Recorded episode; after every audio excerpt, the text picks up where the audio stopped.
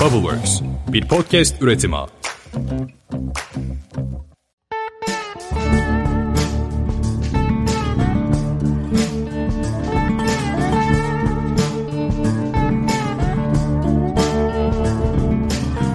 Merhabalar, Bir Çift Üzüm'ün 12. bölümüyle karşınızdayız. Ben Gözde. Ben de Emre. Bu bölümde aslında diğer bölümlerden birazcık daha farklı şeylerden bahsedeceğiz. Daha doğrusu bu bölüm 11. bölümün devamı şeklinde olacak. Çünkü şarap tadımı bizim anlata anlata bitiremediğimiz, çok da sevdiğimiz bir konu. Hem benim hem de Emre'nin. O yüzden bu bölüm diğerinin devamı şeklinde olacak. Bunda direkt şarap tadımından bahsedeceğiz ve bir önceki bölüme sığdıramadığımız konuğumuz Şiraz'dan. Evet biz normalde bunu 2 saatte falan anlatıyoruz zaten. O yüzden iki bölüme sığdırmak bizim için biraz zor oluyor değil mi? Evet, iki bölüm bile dediğin gibi aslında zor. Peki o zaman başlayalım istersen vakit kaybetmeden. Tabii çok keyifli olacak benim için de. Bayağı heyecanlanıyorum. Bu sefer böyle bir öncekinde daha terimsel şeylerden bahsetmiştik. Şimdi bayağı bayağı şarabı nasıl tadarız bundan bahsedeceğiz. Onun için çok heyecanlıyım. Evet. Öncelikle yani bir 30-40 tane tadım yapmışızdır beraber. Heyecanlı olman çok güzel.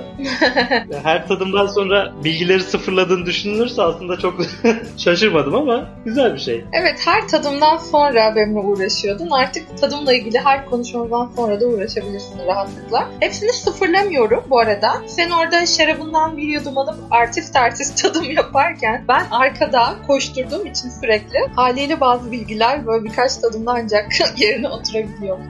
Peki o zaman başlayalım.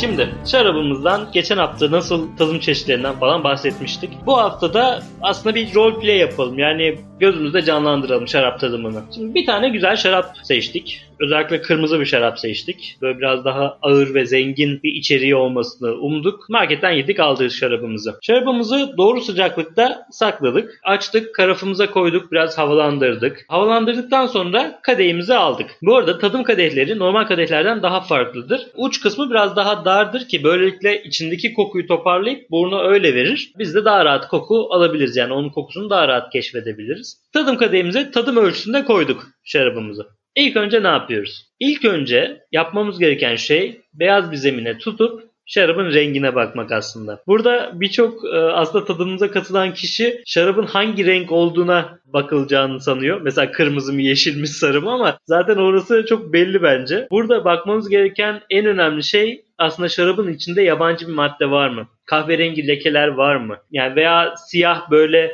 yuvarlak yuvarlak şekiller, bu tarz şeyler, yabancı maddeler var mı? Bunlara bakmamız lazım. Özellikle kahverengi lekeler varsa şunu anlayabiliriz. Şarabımız hava almış ve okside olmuş diyebiliriz. Evet kesinlikle. Hatta burada böyle renk konusunda bazen sıkıntılar olabiliyor. Aa benimki şöyle falan diye. Tabii ki bunu beyaz dizeminde demesinin sebebi Emre'nin en net beyaz dizeminde görecek olmak ve bence ışık da çok önemli. Işığı hangi açıdan geldiği fazlasıyla tadımlarda bunun etkili olduğunu gördük. Önceki deneyimlerimizde değil mi? Kesinlikle. Böyle çok fazla gölge düşmediğine falan dikkat ederseniz kadehinizin yansımasının üstüne beyaz zeminde çok daha rahat bir şekilde gözlemleyebilirsiniz rengini. Renginden açıkçası ben çok anlamıyorum. Benim işim birazcık daha ileriki süreçlerde başlıyor. Sonra ne yapıyoruz peki? Rengine baktık.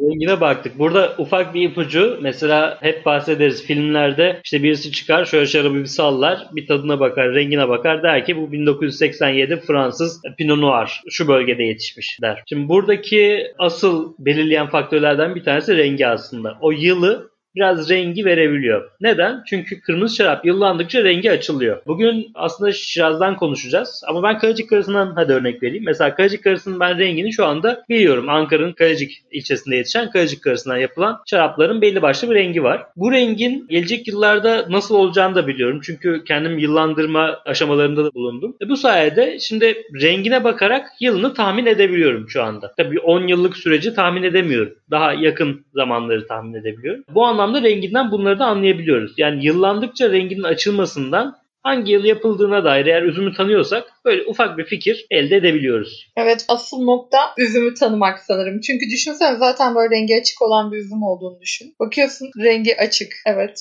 rengi açık. Onun için böyle üzümü tanımadan çok fazla böyle artistik hareketlere girişmemenizi öneriyorum. Benim de çok yapabileceğim bir şey değil bu açıkçası. evet burada rengi açıklığı da biraz tanımlayayım aslında. Hani hafif kahverengi tarzı demeyeyim ama biraz daha hafif sarıya doğru kaçabilen ama çok sarı da değil. yani nasıl bir renk? Şarabından şarabına da değişiyor tabii de. Rengin daha açıldığını diğer renge bakarak aslında anlayabiliyorsunuz. Öyle bir açılma var. Mesela beyaz şarapta da yıllandıkça rengi koyulaşır. Onunla bariz bir hafif kahverengileşmeye doğru gidiyor mesela. Koyu sarı işte yavaş yavaş kahveye doğru gidiyor. Kırmızı şarapta da biraz daha bunun açığını düşünebilirsiniz. Ama bu renginin kahverengiye doğru gitmesiyle kahverengi lekeler arasında bir fark var değil mi? Evet evet yani kahverengi leke dediğim mesela elmayı ısırdıktan sonra biraz bırakırız da üzerinde kahverengi şeyler olur ya enzimatik reaksiyonlar. Hı hı. Hani oradaki kahverengilik gibi bir kahverengilik şarapta varsa bu okside olmuş anlamına gelebilir bazı durumlarda. Bu şekilde. Ama şarabın böyle genelinde çok da koyu olmayan bir kahverengilik gözlemliyorsak bu artık birazcık daha yıllandığını gösterebilir Hı-hı. bize. Zaten bir de şarap şişesinin üstünde yılı yazdığı için çoğunlukla buradan da buna dair bir çıkarımda bulunabiliriz sanırım. Yani 2020 e, şarabı varsa elimizde ve böyle fazlasıyla kahverengi bir renkse bu o zaman aa benim şarabım ne kadar güzel yıllanmış demek birazcık anlamsız olur. evet. Bir de zaten şöyle bir şey de var. O bahsettiğim kahverengi lekeler heterojen bir karışım gibi gözüküyor. Yani her tarafına eşit dağılmamış oluyor. Ama bu yıllanmışlıkla gelen hafif kahverengimsilik homojen bir dağılım sergiliyor. Şarabın her tarafında bu renk var. Diğer bozulmuş olursa her tarafında olmayabiliyor. Evet doğru. Ve olabildiğince renk konusu beni çok şey yapmadığı için, çok ilgi alanıma girmediği için açıkçası Emre genelde daha çok bakıyor böyle şey sana katılmaya çalışıyorum bu konuda anlattıklarında. Bir an önce istiyorum ki tadım gelsin. evet. Bir sonraki aşamaya geçelim. Bir sonraki aşamada ne yapıyoruz? Kadehimizi şöyle ufak bir sallıyoruz. Salladıktan sonra camın üzerinde belli başlı bacaklar göreceksiniz. Belli başlı damarlar göreceksiniz. Bunlar şarabın gözyaşı veya şarabın bacakları olarak adlandırılıyor. Bunlardan biraz bahsedelim. Şimdi bunlar şarabın içeriğine dair bazı bilgiler veriyor. Öncelikle bu neden oluyor? Ya bu marangori etkisi dediğimiz bir surface tension, yüzey gerilimiyle ilgili aslında bir e, fenomen diyebiliriz. Hani bunun daha detaylı açıklamasını biz aslında ODTÜ'de yaptığımız derste de anlatıyoruz. Hocalarımız da anlatıyor. Hani daha detaylı merak eden olursa akademik olarak anlatmaya da isteriz belki ilerleyen bölümlerde. Şimdi daha kısa anlatmak gerekirse yüzey geriliminden kaynaklı bir şekil oluyor aslında. Şarap kadehinin üzerinde. Bu aşağı doğru inen damlacıklar. Değil mi? Evet. evet. Teşekkür ederim basitleştirdiğin için. Bir türlü basitleştiremedim ya. Diyor bunu nasıl anlatacağım? Şimdi aklımda denklemler geliyor. Yüzey geriliminin şeyi geliyor. denklemi geliyor falan filan. Bir türlü basitleştiremedim. Evet aslında yani şöyle yukarıdan aşağı doğru süzülen bir damla düşünün. O damlalar bazı yerlerde ayrılıyor, çatallaşıyor. Böylelikle şarabın o şarap kadehinde çeşitli damarlar oluşuyor. Bu damarları nasıl yorumlayacağız? Öncelikle şundan bahsedelim. Eğer şarabımız yoğun alkol içeriğine sahipse, yoğun bir alkole sahipse bu damarlar çok belirgin oluyor. Gerçekten böyle bayağı bir sürü damar görebiliyorsunuz. Onun dışında şarabın içeriğine bağlı olarak yani içindeki gliserol oranına, glikoz oranına bağlı olarak bu damlaların hızı da etkileniyor aslında. Tabii ortamın sıcaklığı da çok önemli burada. Hani bu damlaların hızına bakarak da aslında içindeki tatlılık, o gliserol şeker oranında bir nebze tahmin edebiliyoruz. Çünkü daha tatlıysa daha koyu kıvamlı olur. Öyle değil mi? Şerbet gibi düşün yani. Suyun akma hızıyla şerbetin bardaktan aşağı doğru akma hızı gibi düşünsek. Bir tek şarapta değil sıvı şeylerde böyle mesela pet şişenin içerisindeki bardak şeyde suda böyle aşağı doğru iner ya hani. Kesinlikle. Aslında bu biraz daha densitesini arttırıyor. O yüzden de biraz daha yavaşlıyor. Bu şekilde ondan sonra onu da gözlemledik. Şarabın gözyaşlarını gözlemledik. Ondan sonra ne yapıyoruz? Söyleyeyim mi? Burnumuza doğru yaklaştırıyoruz. Söyle tamam. Burnumuza doğru yaklaştırıyoruz ve gözlerimizi kapatıyoruz. Yani kokluyoruz. Evet burnumuza olabildiğince yaklaştırıyoruz ve derin bir nefes alıyoruz. Ve sonra şarabın içindeki aromaları aslında tanımlamaya çalışıyoruz. Burada asıl önemli noktalardan bir tanesi aslında şarabın aromalarını hemen tanımlayamayanlar için bunu iki gruba bölmek daha faydalı olabilir. Mesela meyvemsi aromalar mı alıyorum, çiçeksi aromalar mı alıyorum? İlk başta bunu düşünebilirler. Ondan sonrasında eğer meyvemsi aromalar aldığını kanaat getirdiyse yani böyle daha tatlı aromalar alıyorsa hangi meyveye benzediğini düşünebilir. Böyle aşama aşama gidebilir. Evet bence bu kesinlikle çok işe yarayan bir yöntem. İlk başta gruplandırmak. Bir de bir şey soracağım sana. Şimdi kokluyoruz dedik ya ben farklı bir konudan bahsedeceğim ama mesela sende de şöyle bir şey var mı? Bende bu bir takıntı halinde. İlk kez tadına bakacağım şeyleri koklamadan asla tadına bakamam.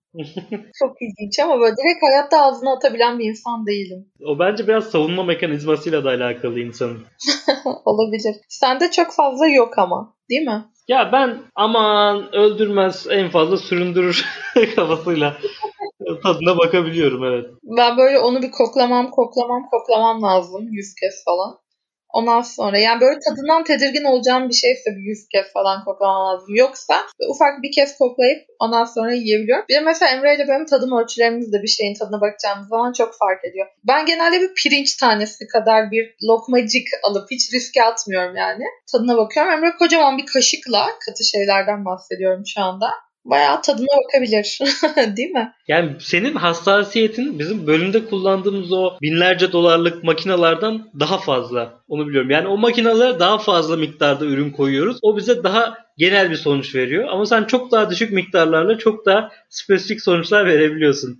Bu konuda çok takdir ediyorum seni. Teşekkür ederim. Bunu bir övgü olarak mı anmalıyım bilmiyorum ama birazcık sanırım takıntılıyım ya. Mesela benim sushi'den hoşlanmamamın başlıca sebebi bu. Sushi'den hiç hoşlanmıyorum ve sushi'yi ilk tadına bakacağım zaman o kadar çok koklamıştım ki artık böyle şey aklıma tadı gelmiyor yani görüntüyle özdeşleşmiş bir koku var burnumda. Direkt böyle burnum rahatsız oluyor sushi'yi gördüğümde o kadar hoşlanmıyorum. Onun için böyle ilginç bir durum. Evet, bayağı nefret ediyorsun ya gerçekten. Gerçekten hiç bakmaya bile tahammülüm yok. O kadar o kadar koklasan senin de olmaz bence ya. İşte o yüzden ben koklamıyorum. Ben severim sushi'yi. Biliyorum. Şanslısın çünkü gittiğimizde bazı restoranlara benim için gelen sushi'leri de yiyorsun. Onun için bence bu çok büyük bir avantaj. Bence de. Bu arada yani sushi sushi diyoruz da yılda bir kez falan yiyoruzdur herhalde. Öyle çok sevmiyoruz falan filan ama yani onun bundan haberi yok bence. Hazır kokuya girmişken aslında ben şeyden de bahsedeyim. E, ağzımız retronasal kanalla buruna bağlanıyor. Ya bu ne demek? Biz bir şeyi koklamadan tadını alamıyoruz doğru düzgün. O yüzden aslında hasta olduğumuz zaman yemekler falan böyle çok tatsız tutsuz gelir bize. Bunu sen de yaşıyor musun mesela? Evet evet Hiç denedin mi burnunu kapatıp bir şey yemeyi? Onu yapamam. Burnumu kapatıp bir şey yiyemem. Özellikle gözlerimi kapatıp asla bir şey yiyemem de hastayken yemekler gerçekten burnum tıkalıysa özellikle çok böyle şey geliyor. Çok tatsız, tuzsuz. Hiçbir şey anlamıyorum. O zaman da çok üzülüyorum. Evet. O yüzden de hani ilk önce koklayıp sonra yemek aldığın tadı da arttırıyordur muhtemelen. Yani arttırıyordur hepimiz için. hepimiz böyle yapıyoruz şimdi. Evet. Ee, Bununla ilgili bir arkadaşımla deney yapmıştık biz. Bu şeyler var ya şekerli, meyveli şekerler. Atıyorum işte çileklisi var, limonlusu var falan var filan var. Burnunu kapatmıştık arkadaşın. Bir tane çilekli şeker vermiştik ağzına. Gerçekten tadını tam olarak anlayamadı. Yani tatlı bir şey diyor ama nasıl bir tat olduğunu tanımlayamadı. Burnunu açtıktan sonra bu çilekliymiş dedi bir anda. bir anda hiç beklemiyorduk sanki. Cidden ilginç. Biz de seninle yapalım mı bunu? Birkaç tane şey getirelim. Burnumuz kapalı bir şekilde yiyip tatlarını anlamaya çalışalım. Olur deneyelim. Tamam. Yani bunu denedim zaten. o yüzden tecrübe olarak aktarmıştım ama bir de seninle deneyeyim. Hayır ya ben onu oyun olarak düşünüyorum yani eğlenceli. Bakalım kim daha fazla bilecek. Hadi bakalım. Kaybeden şarap ısmarlasın. Tamam güzel fikir. Bir arada seninle şey yapalım. Farklı şarap çeşitlerini bilme yarışması yapalım. Hayır. Bu çok şey. Ama bilirim ya ne olacak yapalım. Tamam varım. İddialıyım bu konuda da. Yalnız senden çok biliyormuşum o zaman çok komik olur. O zaman artık sen yaparsın podcastleri. En fazla yani. Bunu pek imkan vermediğim için çok uzatmıyorum. Peki. Retro nasal tadımla ilgili bir de şeyi bahsedeyim. Bu tadımda aromaları damakta hissetmek için oksijenle temas ettiriyoruz. Bu sayede retro nasal tadım yapılıyor aslında. Birazdan o O2 ile temas ettirme şeyini de anlatacağım. Çok teknik konuştum. O2 dedim. Oksijenle temas ettirmeyi de anlatacağım. Peki kokusuna baktık. evet. Kokusunu alamadıysak ne yapıyoruz? Küçük bir ufak şey de verelim, ipucu da verelim. Şimdi zeytinyağı tadımlarında da bu olur genellikle. Zeytinyağı bir kaba alınır, kap avuç içiyle tamamen kapatılır ağzı. Bir süre beklenilir. İçinizden 30'a kadar sayarsınız, 40'a kadar sayarsınız. Sonrasında burnunuzu yaklaştırıp elinizi açarsınız. Böylelikle yoğun bir koku alabilirsiniz. Şarapta da aynı şekilde aslında. Kadehin üstüne avucunuzu koyun. Şöyle hafifçe sallayın şarabınızı. Şarabınız biraz daha açılsın. Ondan sonra burnunuzu yaklaştırın. Elinizi hafifçe kaldırırken nefes alın. Bu sayede daha yoğun bir şekilde aromaları koklayabilirsiniz. Bence diğer bölümlerde bahsettiğimiz bir şey de vardı. Bu Emre'nin dediği yöntem zaten olması gereken yöntem. Bir de bunun dışında ne kadar parfümsüz bir ortamda bulunursanız, böyle çok yoğun kokuların olmadığı, yemeğin çok yemeğin kokusunu şarabı çok bastırmadığı ortamlarda o zaman kesinlikle çok daha iyi koku alabilirsiniz. Yani bu da öncesinde yapılabilecek bir şey. Evet kesinlikle. Şimdi kokusuna da baktık. Şimdi ne yapacağız? Tadına bakacağız. Evet artık tadına bakmamızın zamanı geldi. Çok vakit harcadık. yani bu kadar aslında uzun süreçler değil. Hani bunların hepsi belki 30 saniyede falan gerçekleşen süreçler. Şimdi tadına bakarken de birkaç tane ana konu var. Onlara biraz bakmamız gerekiyor. Öncelikle hani bunu tadımlarda hep canlı olarak göstererek anlatıyorum ama şu an ilk kez online'da anlatmaya çalışacağım. Bir yudum alacağız. Hafifçe ağzımızı açıp derin bir nefes alacağız ağzımızdan. Böylelikle dışarıdaki havayı ağzımız içinde şarapla buluşturarak şarabı oksijenle açmış olacağız. Aromaları bu sayede daha rahat bir şekilde alabileceğiz. Umarım herkes aklında canlandırabilmiştir. Ben anlatabilir miyim bir de? Şarabı ağzımıza alıyoruz. Ağzımızdaki tabii ki böyle ağzınızı şarapla doldurursanız bütün hepsi geri gider. Onun için ufak bir yudum aldıktan sonra böyle dişlerimizi kapatıp şarap dökülmesin diye tekrar e, böyle dudaklarımızı açıp böyle diye yani böyle şey çorba hüpürdetilmiş gibi aynı. Öyle bir şey yaptığımız zaman bence tamamdır bu iş. bence de. Yani bence yeterince akılları karıştı dinleyicilerin. Bunu bir ara gösterebiliriz belki videoyla falan. Evet yapamayanlar ve yapanlar bize ulaşsın bence. Kimin yöntemi daha çok işe yarıyormuş lütfen yazın. Ben böyle bugün nedense seninle hep iddialaşma şeyindeyim. Epeydir Emre ile iddialaşmadık çünkü. Yeni şaraplar denemek için de bir kumbaramız var. Onu da dolması için daha çok iddialaşmamız gerekiyor onun için. ama o kumbarayı tek başına dolduracak gibisin bilmiyorum ama. Aha ha. Evet devam ediyoruz bu şeyi dinlemeden. Peki. Zenginleştirdikten sonra şarabımızı ağzımızda çalkalıyoruz. Tadım yaparken şarabı içmiyoruz. Bir anda söyledim ama ve herkes çok olmuştur genelde. Tadım yaparken şarabı içmiyoruz. Yani genelde şarabı ağzımızda dolandırırız sonra tükürme kaplarına tükürürüz. Of bu benim hiç gelemediğim bir şey. Ben yutarak tadına bakmayı tercih ediyorum ya. Neden böyle yapıyoruz? Bu da tabii hem ağzı daha fazla yoğurmamak adına hem alkol içerdiği için hani vücuttaki o değişimleri sağlamak adına daha fazla şarap deneyebilmek adına hani çok fazla ağızda tutmadan şöyle bir ağzımıza gezdiririz aromaları tanımlarız. Meyvemsi aromalar, çiçeksi aromalar hangi aromaları alıyorsak ondan sonra tükürürüz. Genelde böyle yaparız. Ama tadarak da yaptığımız tadımlar var. Şöyle yapıyoruz onlarda da. Şimdi bir yudum alıyoruz.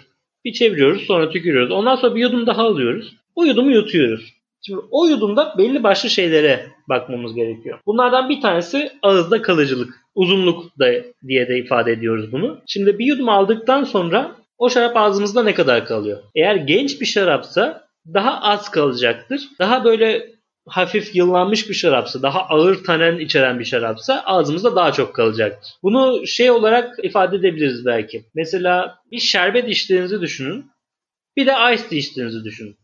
Ice tea hemen belki gidecektir. Ya da şerbeti boş verelim. Şerbet çok şekerli olur. Ice ile suyu düşünün. Su içtiğiniz zaman hemen akıp gidecektir. Ice tea içtiğiniz zaman hafif belki bir limon şeftali aroması ağzınızda kalacaktır. İşte bu ağzınızda kalma oranı ne kadar fazlaysa, ne kadar uzunsa bunların hepsi aslında şarabın yeni mi, eski mi ya da içeriği, kırmızı, beyaz bunların birçoğuna aslında cevap verebiliyor. İçerisindeki şeyler de nedir onunla da etkiler mi bunu? Mesela alkol oranı, mesela viski, hani şaraptan bahsediyoruz bir anda viskiye geçtim ama viski bence ağızda kalıcılığı çok yüksek. Yani ya da ben viskiden hoşlanmadığım için çok fazla böyle düşünüyorum ama böyle bir yudum alıyorsun ve bir daha o acılık ağzından gitmiyor asla. Ondan da bahsedeyim hemen. Ya bu aslında ağızda kalıcılık değil, bu biraz daha gövdesiyle ilgili. Şimdi gövde dediğimiz şey bir yudum şarabın aslında hani damakta bıraktığı yoğunluk, dolgunluk hissi. Bu alkol oranı yüksek şaraplarda genellikle yüksek gövdeli olarak da tanımlayabiliyoruz bazen. Hani bu biraz da gövdeliliğiyle de ilgili. Ağızda bıraktığı o ağızda kalıcılık biraz da aromalarla ilgili. Yani alkolü gövdeyle aromaları ağızda kalıcılıkla belki burada eşleştirebiliriz. Hani tam doğru bir eşleştirme değil ama kısa yol olarak böyle düşünebiliriz. Anladım. Tamam evet. Bir de denge dediğimiz bir şey var. Şimdi bu da çok önemli bir kavram aslında. Şarabı belki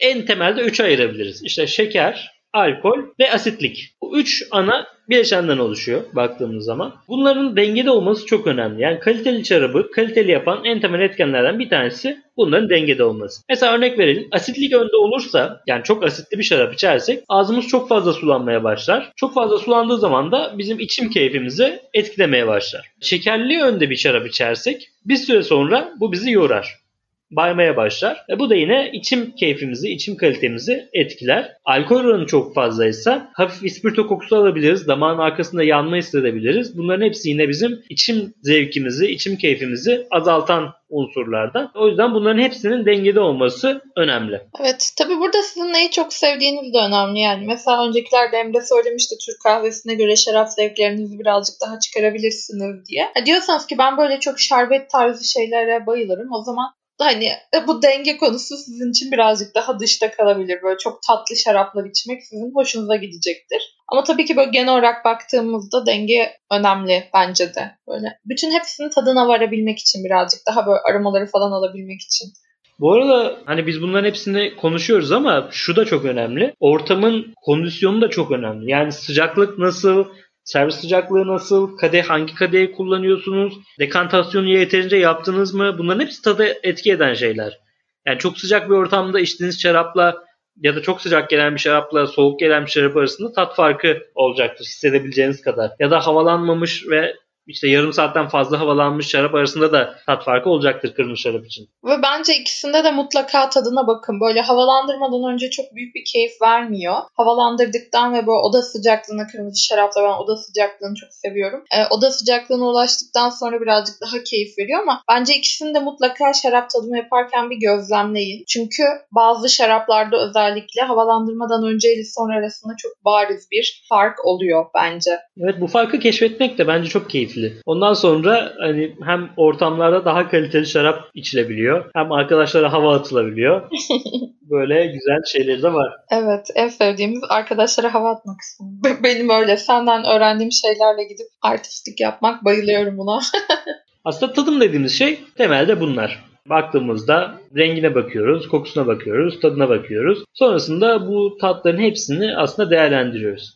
Tabii şöyle bir şey de var. Yani herkesin o şaraptan aynı tadı alması çok fazla mümkün değil. Neden? Çünkü o şarap herkese farklı şeyler hissettirebilir. Herkesin tat reseptörleri aynı olmayabilir. Bu tarz bir sürü etken işin içinde. O yüzden şarap tadımı kesin şöyledir, kesin böyledir denilmiyor. Denilmemeli.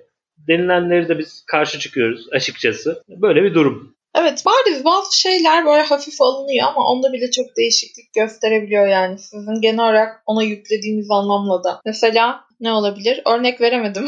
Burada yardımını isteyeceğim. Ya en basitinden mandalina. Atıyorum böyle bir portakal tadı alacaksınız. Ben hiç çok ekşi portakal yemedim. Onun için portakal dediğinizde bana birazcık daha böyle tatlımsı, ekşiye çok az yakın tatları ifade ediyor. Ama işte siz genelde ekşi portakal tüketiyorsunuzdur ya da seviyorsunuzdur. Daha ekşimsi tatlarda portakal aroması alabilirsiniz. Doğru bir örnek mi verdim? Bence doğru ama. Güzeldi bence. Mesela şey var, nektarin ve şeftali. Bu ikisinin tadını ayırt Evet, nektarine bayılırım. edebilen birisi bence çok ben... gerçekten reseptörleri gelişmiş birisi de diyeceğim. evet. Teşekkür ederim. Çok ya hadi kabukları soyulmuş olsun tamam mı? Yani böyle kabuğundan zaten ayırt edebilirsin de birisi çok tüylü birisi tüysüz. Kabukları soyulmuş olsun. Şöyle ki şeftalinin daha tatlı ve çok daha yumuşak bir tadı var. Nektarinin birazcık daha böyle. Anlıyorum ama bu şaraptaki tadından bahsediyorum ben. hani gidip de nektarini ısırıp şarapta şeftali ısırıp bu arada fark var mıdan bahsetmiyorum ki. Tamam ya ben çok yanlış bir yerden. Şeftali ve Neyse tamam bunu anlayan zaten şarabın içerisinde de anlar yani. Lütfen Emre Bey. Peki. Sen biraz güçlü olduğun yanları öne çıkartıyorsun bence şu anda. şey karşında böyle bir nedir onun adı? Sana karşı bir kullandım bunu. Hep böyle sen Evet, evet. güzel anlatıyorsun ya ben de çok güzel tadıyorum falan diye araya girmek istedim. Peki şarap tadımı temelde bu kadar. Biz X faktörden bahsetmiş miydik? Bahsetmiştik. Evet evet çok iyi hatırlıyorum. Burada X faktör çok büyük rol oynuyor. Hatta bir iki üç kere bahsettim. X faktör çok önemli bir şey zaten. Mesela çok yakın zamanda bununla ilgili yaşadığım bir şeyi söyleyeceğim. Benim çok yakın bir arkadaşım var liseden itibaren. Senin de arkadaşın gerçi Şeyda. Biliyoruz Şeyda'yı. Bizim Şeyda ile buluştuğumuzda hep yediğimiz şey insanlar böyle hamburger falan yerler. Biz tavuk sote yiyoruz. Ve tavuk sote bizim favori yiyeceklerimiz. Yani Şeyda ile eğer ki evde bir araya geldiysek mutlaka tavuk sote yeriz. Mutlaka ama. Böyle çok ekstrem durum yoksa. Dedik ki o gün yerken. Ki ben de tavuk soteyi normalde öyle çok da sevmem. Biz de geçen gün bunu konuştuk. Dedik ki böyle bir aradayken yiyince çok güzel oluyor. Normalde o kadar hoşlanmıyoruz falan diye. Sonra direkt dedim ki X faktör. Evet bu. Evet güzel bir örnek oldu. Peki o zaman istersen konumuza geçelim artık. Evet hala bir konuk şarkısı bulamadım buraya ama konuk giriş müziği olsun. Peki. Bugünkü konuğumuz Konuğumuz evet Şiraz. Şiraz evet ya da Sira. Sira. Yine iki isimli bir üzüm. Neden iki isim? İki isimli bir üzüm. iki üzümlü bir isim diyecektim. Yani şöyle bu asma Avustralya'da yetiştirilirken üzüm adı yanlış yazılmış. Yanlış harflerle yazılmış. Bunun sonucunda da Şiraz olarak anılmaya başlamış. Aslında Sira olarak biraz daha çıktığı söyleniyor bu üzümün. Evet. Peki bu üzüm nerede yetişir? Ha soru cevap yapıyoruz. Güzel. bu üzüm birçok yerde yetişiyor. Yani bakayım Fransa'da ilk önce yani en çok Fransa'da yetişiyor. Çünkü Fransa menşeili. Sonrasında Avustralya'da yetişiyor. Ondan sonra Güney Afrika'da yetişiyor. Aslında baktığımız zaman dünyada en çok dikilen üzümlerden bir tanesi. Kırmızı üzümlerden bir tanesi. Bu arada şey soru cevap yapıyoruz dedin. Bir kadın olarak hep cevabını bildiğim soruları soruyorum. Fark ettim bilmiyorum ama hani dikkat et bak sonraki şeylerde de buradan bir ipucu sana. Bu arada aslında İran'da Şiraz kenti olması sebebiyle bu üzümün İran'da yetiştiği düşüncesi var. Ama aslında öyle bir şey yok. Aslında dediği gibi Emre Fransa'ya ait daha çok. Evet, bu da yapılan DNA araştırmasıyla kanıtlanmış bir şey. Evet, Kaliforniya Üniversitesi'nin yaptığı bir araştırmayla kanıtlanmış. Bir de bununla ilgili mesela Sira veya Şiraz aslında hani bu iki isim yazsa bile bilmemiz gerekiyor ki bunlar aynı üzümler. Aynı üzümden yapılan şaraplar. Peki ne farkları vardır sence? Ya aslında bu konuda farklı şeyler var. Mesela daha çok Fransa tarafına yönelen şaraplar Sira olarak adlandırılıyor. Daha çok Yeni Dünya, Avustralya tarafında üretildiyse Şiraz olarak adlandırılıyor. Yani farklı farklı şeyler bu konuda ortada şu anda. Yani mesela Fransa etkisini göstermek isteyen üreticiler Sira diye etiketliyor. Bunda biraz daha baharatlı aromalar öne çıkıyor. İşte hafif tütsülenmiş aromalar. Diğer taraftan da daha çok işte tatlı, hafif meyvemsi aromalarda da Şiraz'da daha yeni dünya şaraplarında öne çıkabiliyor. Evet yani aslında bu aromaları birazcık daha belli etmek için Şiraz ya da Sira diyebiliyorlar. Birazcık daha böyle Emre'nin söylediği gibi tatlı, baharatlar, daha meyvemsi, bitter çikolata tarzı şeylerde Şiraz diye yazıyorlar genellikle. Ben sana bir ilginç bilgi vereyim. Sira var ya, Sira Arapçada prenses anlamına geliyormuş. Ya gerçekten mi? Çok ilginç değil mi? Evet ilginç aslında. Gerçekten de. Yalnız öyle başladı ki hangisine şaşıracağımı biliyordum. Sira var ya o, o Sira var ya hani öyle bir giriş yaptın hani Sira bir arkadaşımız şöyle bir şey anlatacakmış gibi onun için böyle şey ben oraya kaptırdım kendimi.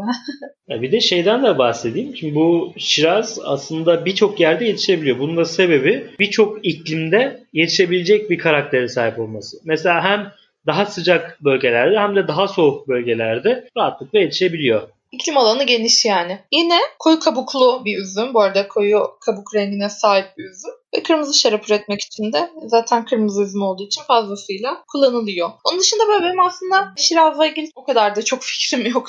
Daha çok sanırım kendi tüketmeyi sevdiğimiz üzümlerle ilgili daha çok fikir sahibiyim ama. O zaman ben kısaca aromalarından bahsedeyim bunun. Şimdi bunda tütünden işte eriye, oradan blueberry'e birçok aromayı burada görebiliyoruz. Aslında farklı aromalar diğerlerine göre. Bu anlamda bu aromaları içinde barındırabiliyor. Yani ortanın üstü gövde olarak daha çok nitelendiriliyor. Hani full body dediğimiz daha işte tam gövdeliğe de yakın şaraplar üretilebiliyor bunda. Tabii üretim tekniğine göre de değişiyor bu. Yani hasat edilen bölgeye göre de değişiyor. Tek başına mı kullanılıyordur yoksa sence birkaç şeyle birleştirilerek mi? Evet yani dünya farklı yerlerinde farklı üzümlerle birleştiriliyor. Bunun dışında şeyden de bahsedebilirim. Mesela eğer daha soğuk iklimlerde geçirse içinde zeytin, kırmızı erik aromaları olabiliyor. Daha sıcak iklimlerde yetişirse de biraz daha hafif kırmızı orman meyvelerine yakın bir aromalar içinde içerebiliyor. Bu birazcık daha bizim böyle hafif kavun aroması gelen, kavunları, kavun aroması gelen kalecik karası üzümlerimiz gibi mi? Geçtiği yer doğrudan tadına etki edebiliyor. Evet çok güzel aslında.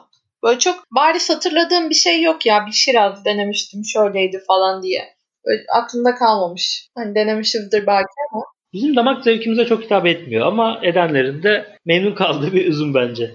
Yani Şiraz daha hem dünyada çok fazla yetişiyor hem çok fazla fanı da var bu konuda. Öyle ama bir kayacık karısı değil. Tabii damak zevkine hitap etmesi önemli. Mesela diyoruz ki o olsun bu olsun. Hep böyle şey bir sürü şarap çok çok fazla şarap denemişizdir. Kendi yaptıklarımızda zaten mutlaka tadımlarını yapıyoruz. Tadımını da yapmışızdır ama böyle bende şu çok güzeldi falan dediğim 3-4 taneyi böyle geçmez. Mesela en son içtiğimiz şampanya çok güzeldi. Müthişti. Daha müthişi de yolda 8 Şubat'ta. Aa teşekkür ederim. Buradan bir ipucu aldım. Güzel oldu. Peki o zaman programımızı kapatabiliriz istersen. Evet. Aa bak hep şey oldu. Hep ben sana söylerdim. O zaman programı kapatıyoruz. Hayır daha şunu söyleyeceğim diye 3-4'tür bunu geçememiştik. Bu sefer sen bana söyledin ve ben direkt evet harika programı kapatıyoruz. O Şiraz'la ilgili çok bir şey bilmediğim çok ortada oldu sanırım. Böyle bir heyecanımdan. programı kapatıyorum yaşasın bugün bitiyor falan gibi oldu. O zaman ben bir şey daha söyleyeyim. Oo yine geçemedik. Evet. Bak mesela şey var. Türkiye'de hem Sira isminde hem de Şiraz isminde şaraplar var. Eğer markalara bakarlarsa bazılarının öyle bazılarının böyle olduğunu görebilirler. Bu da ilginç bence yani. Evet, herkes tarafını belli etsin gibi olmuş birazcık. Evet, o zaman ben de diyorum ki Instagram'dan bize ulaşanlar oluyor. Mail yoluyla bize ulaşanlar oluyor. Öncelikle mesajlarınızı aldığımızda çok mutlu oluyoruz gerçekten. Önerilerimizi de mutlaka yerleştirmeye çalışıyoruz programın içerisine. Onun için eğer ki aklınıza takılan herhangi bir şey olursa bunu epeydir hatırlatmamıştık diye hatırlıyorum. Aklınıza takılan bir şey olursa bunu da anlatın derseniz ya da şundan keyif almadık derseniz bize sosyal medya aracılığıyla ulaşabilirsiniz. Şarap seçmek isterseniz de ulaşabilirsiniz. Mutlu oluyoruz yani bize ulaştığınızda. Onun için Evet. Bekliyoruz. Evet. Bu arada sanırım Instagram'a bir çift üzüm yazınca biz çıkıyoruz. Yani daha önce Laguşina tadım ismiyle e, bir hesabımız vardı. Onu biz bir çift üzümü de herhalde birleştirdik. Çıkmamız lazım. Çıkmıyorsak da Laguşina tadım diye, La Giudina tadım diye e, arattığınızda bize ulaşabilirsiniz. Evet. O zaman O zaman bir sonraki programda görüşmek üzere. bir sonraki programda görüşmek üzere. Hoşçakalın.